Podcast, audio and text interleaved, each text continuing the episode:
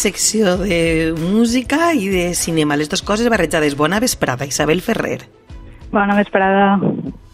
És així, sí, no? Avui parlem de cinema i música? Mm? Sí, exactament. La setmana passada va eixir a la llum la notícia que la primera pel·lícula espanyola sonora dirigida per una dona, en aquest cas, podria haver sigut sí? Mallorca, de Maria Forteza, i jo dic, vinga, va. Avui la secció la dedicarem als inicis del cinema i la seva relació amb la música, on ja veurem que també n'hi ha moltes dones pel mig. Ah, interessant. Clar, a més hem de recordar que al principi el cinema no portava música incorporada. Exactament, però això no vol dir que no mm. tinguera música, era just això, que no ah. la portava incorporada a lo que era la mateixa cinta. Nosaltres ja hem nascut en una època en la qual el cinema té un guió, amb la seva banda mm. sonora exclusiva d'aquesta pel·lícula i les músiques promocionals, bueno, tot, tot un cabàs de coses associades. Però al principi no era així. Les primeres pel·lícules, sobretot les primeres projeccions, nosaltres hem com d'imaginar-les més com un experiment d'imatge i de llums, que no un lloc on anar uh -huh. a veure una història que tenia un argument, un inici, yeah. nus i desenllaç. Aleshores, mm, per això al principi, des de l'any 1895, que és quan s'inventa, fins a 10 anys més tard, aquest primer cinema l'anomenem sí. cinema d'atracció, perquè cal pensar-lo més com una cosa similar a un espectacle de varietats. A veure, jo me faig la idea, que, no, jo m'imagino una atracció de fira ambulant en imatges, sí? no sé. Sí, sí, més o menys sí. era així. Tot i que al principi, eh, més que en, en barracons, que això vindria molt poc de temps després, es feien com unes demostracions en hotels eh, en hotels on anava la gent benestant, en hotels on un sempre prestigi, perquè era on hi havia empresaris que podien comprar aquestes primeres patents. Aleshores es feia com una espècie de, de demostracions on anava l'inventor de l'aparell de Thor, perquè a més de, del cinematògraf en va haver molt més intens, i ell feia allí un poc el seu espectacle publicitari. I al costat de les màquines del cinema hi havia altres aparells, fins i tot altres aparells que podien fer música també, com el, com el fonògraf, tot i que no sabem si en aquell moment algú se li va ocorrir combinar-los al mateix temps per que es veguera imatge i so. I ja, com, com he dit, després d'aquests primers mm. uh, intents en hotels, eh, es construïren en les grans ciutats magatzems, barracons, uh, on es feien les primeres projeccions de cinema perquè necessitava oscuritat, que era un detall que altres espectacles no, no tenien. Clar, necessitaven oscuritat. I tenien música? Aquestes primeres projeccions la tenien ja? Sí, el que passa és que era música fonamentalment en directe. Per això a la uh -huh. gent que estudia en cinema s'agrada dir que este cinema és silent i no mut, ja que en realitat el, el cine sempre uh -huh. ha portat so. Eh, el que passa és que no sabem quin so era exactament perquè no estava enregistrat i no han quedat moltes restes tampoc escrites. La música no estava en cap, en cap lloc, era música que es feia en directe. Ah, interessant. Anem per parts. El cinema mm, diuen, s'inventa a París el 1895 pels germans Lumière i fins, Lumière i fins a quin any no porta so incorporat? Suposadament, eh, hem d'esperar eh, fins l'any 1927, que és quan triomfa la pel·lícula que se diu El cantor de jazz o El cantant de jazz. O sigui, són 30 anys, que són molts anys, però això ho imaginen de vegades com un període estàtic on no passa res i és just al revés el, passen moltes coses eh, i van i, intentant fer experiments per a veure com solucionen això del so. O sigui, ells sí que saben que les imatges eh, guanyen si porten so, però estan mirant a veure com ho fan. Com ho fan i com era aquella música que acompanyava les primeres pel·lícules? Era en directe, i Directe. fonamentalment, eh, que això ho haureu sentit moltíssimes vegades, la música la feia, la interpretava un pianista, o si no n'hi havia mm. piano harmonium, que era, que era més econòmic, eh, i també hi havia una espècie d'orgues grans, especials, que eh, es, se col·locaven en els cinemes estos populars dels barracons. En casos sí. excepcionals, eh, que també s'han fet alguna pel·lícula, posterior, narrant això, hi havia una gran orquestra, però això només era per a les estrenes en les grans ciutats, en els cinemes dels pobles, yeah. que pront van començar a veure, hi havia un pianista i ja està, o eh, dones pianistes, que va ser un ofici que varen desenvolupar moltes de les, de les, de les dones que, que eren professionals de, de la música.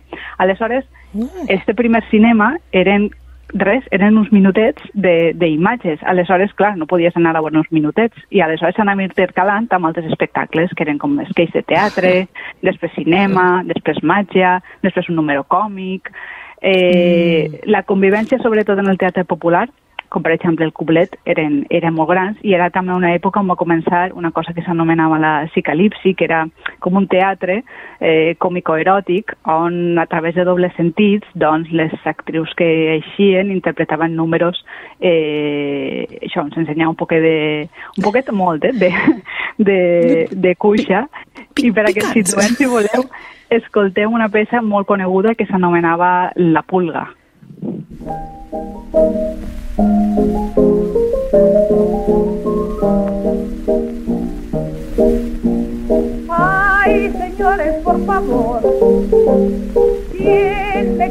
desnudar? Porque tengo miedo a cross y me voy a poner mal. Una hormiga sin pudor me recorre sin cesar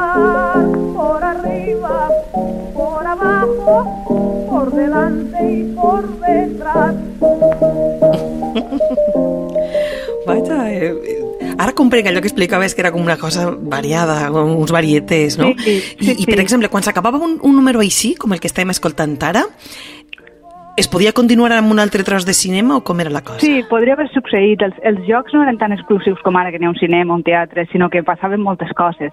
El que passa és que les pel·lícules van començar a fer-se més llargues i el cinema necessitava el seu espai propi i Propi. va deixar de ser eh, cinema este d'atracció i va voler contar històries. I per a contar aquestes històries es necessitaven intercalar diàlegs, que són estos cartelets que eixien en negre i blanc, i Sí. millorar també el, el, el so.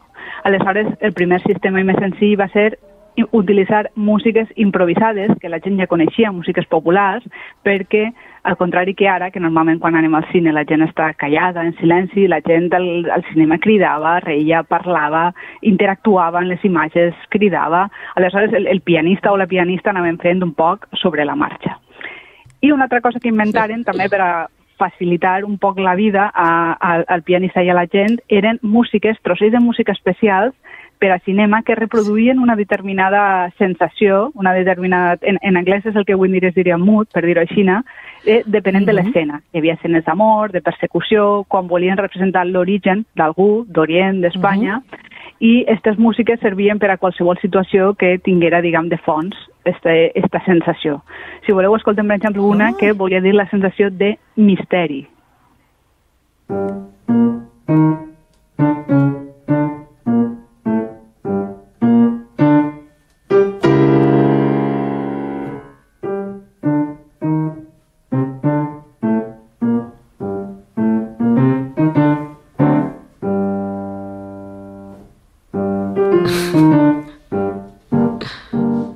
sí, eh? sí que sona misteri, la veritat. Sí, sona, era com teatral, no? també es podia jugar amb la Mhm. imatge coordinant-la amb la música, eh, perquè el pianista podia anar fixant-se, no? mentre tocava podia anar mirant. Eh, aleshores, a partir d'aquell moment, com deia, es comença a voler contar una història, a voler eh, narrar, i eh, com sovint este cinema tenia lloc en els teatres, una manera que varen fer per acostar eh, el, el cine a la gent va ser mesclar-la amb el teatre musical que estava més de moda en aquell moment, que en el cas espanyol era la sarsuela, sobretot la que Ah. estava basada en temes més eh, costumistes. I el que es feia era adaptar l'argument de la sarsuela al cinema i després tindre la Mhm. música en directe. Sí, un exemple podria ser. N'explique tres diferents Podries perquè en, sí? en, ens situem. El primer, per exemple, Vale. és Valencià, que és eh, una pel·lícula que es va narrar, que s'anomenava Les barraques, que era un text eh, d'Eduard Escalante amb música de Vicent eh, Pedró, i el que feien allí per a familiaritzar a la gent amb, amb esta nova manera de, de veure un espectacle musical era que al principi apareixia el, el compositor al piano amb la partitura de l'obra que la gent estava veient. Això està enregistrat, això formava part de, de la pel·lícula. Després hi havia també moltes pel·lícules eh, on, on hi havia uh, música que era fàcilment reconeixible per als espectadors. Per exemple, en aquest primer moment del cinema va haver moltíssimes pel·lícules on hi havia corregudes de bous i on la música que el Mhm. pianista o el músic que interpretava en directe el que havia de fer era tocar passadobles, perquè era el que es tocava en directe en les places de bous. Clar, que relacionava la imatge, el so i la imatge, no? O La música i la Exactament. imatge. Curiosíssim, francament, molt curiós, sí, sí. I per a continuar en cas valencià el que duien aquestes pel·lícules mm. eren números musicals, com si fos un musical dins de les pel·lícules. Aleshores, en el cas valencià, una pel·lícula que es feu mm -hmm. molt famosa, que s'anomenava Nit d'Albades, esta incloïa números amb dolçaina i tabal, escenes de cant d'estil, balls de jodes amb, amb rondalles, i això la gent ho coneixia. Mm -hmm. Aleshores, li era molt fàcilment reconeixible. En esta pel·lícula, que és de Maximilià Tous, estava basada en una obra de teatre i posterior poema sinfònic de Salvador Giner, que és un compositor valencià molt, molt conegut, i el que es va fer va ser utilitzar aquesta música que ara escoltarem, modificada, per a la pel·lícula, suposem que en directe, eh, perquè la cinta no la portava inclosa.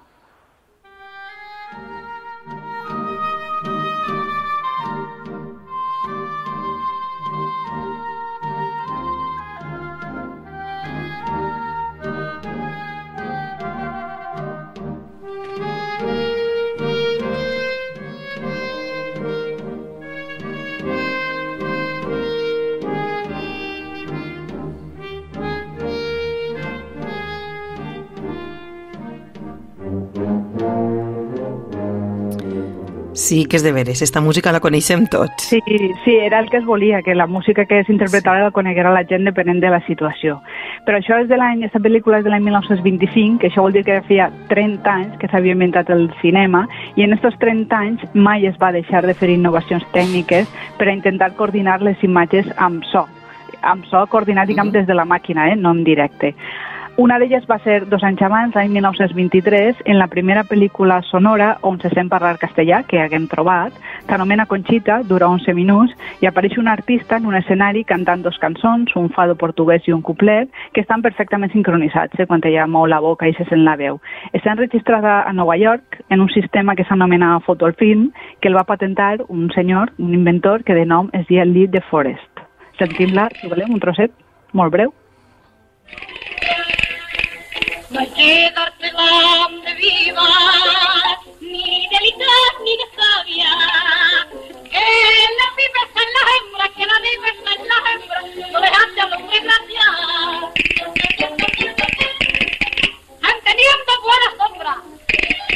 La que està cantant és Concha Piquet, que és molt, molt coneguda. La podeu trobar per internet, eh? Si busqueu Conchita, eh, vos apareixerà. Eh, I ella, des de molt jove, va triomfar i l'any 1922 el compositor valencià Manuel Penella, que era especialment aventurer, se l'emportà a Nova York per a promocionar eh, una sarsuela òpera, El Gato Montés, que també és molt, molt coneguda, i allí sí. va coincidir amb aquest director i que la va, eh, amb aquest inventor que la va enregistrar en el vídeo un poc per a, per a per a promocionar este tipus de, de, de productes uh, de producte que ell volia vendre a les grans companyies que uh -huh. feien cinema. Volia promocionar el seu invent, clar. I, no sé i què? Què va passar? pel que siga, no va triomfar. A diferència del sistema que va arribar quatre, quatre anys més tard, el sistema Vitafone, que és el que utilitza el, el cantant de jazz, eh, aleshores, que és el que ha passat a la història amb la primera pel·lícula amb cançons i diàlegs sincronitzat. O sigui que la sonorització eh, fins a arribar a aquest nivell de, de, de perfecció de, del Vitafont de l'any 27 va, va, va passar per diferents moments d'assaig-error, eh, no va ser una cosa que va aparèixer de repent. I per acabar així ràpidament, quina rellevància té la pel·lícula de Maria Forteza, la que feia al·lusió eh, fa un moment i que es va trobar la setmana passada?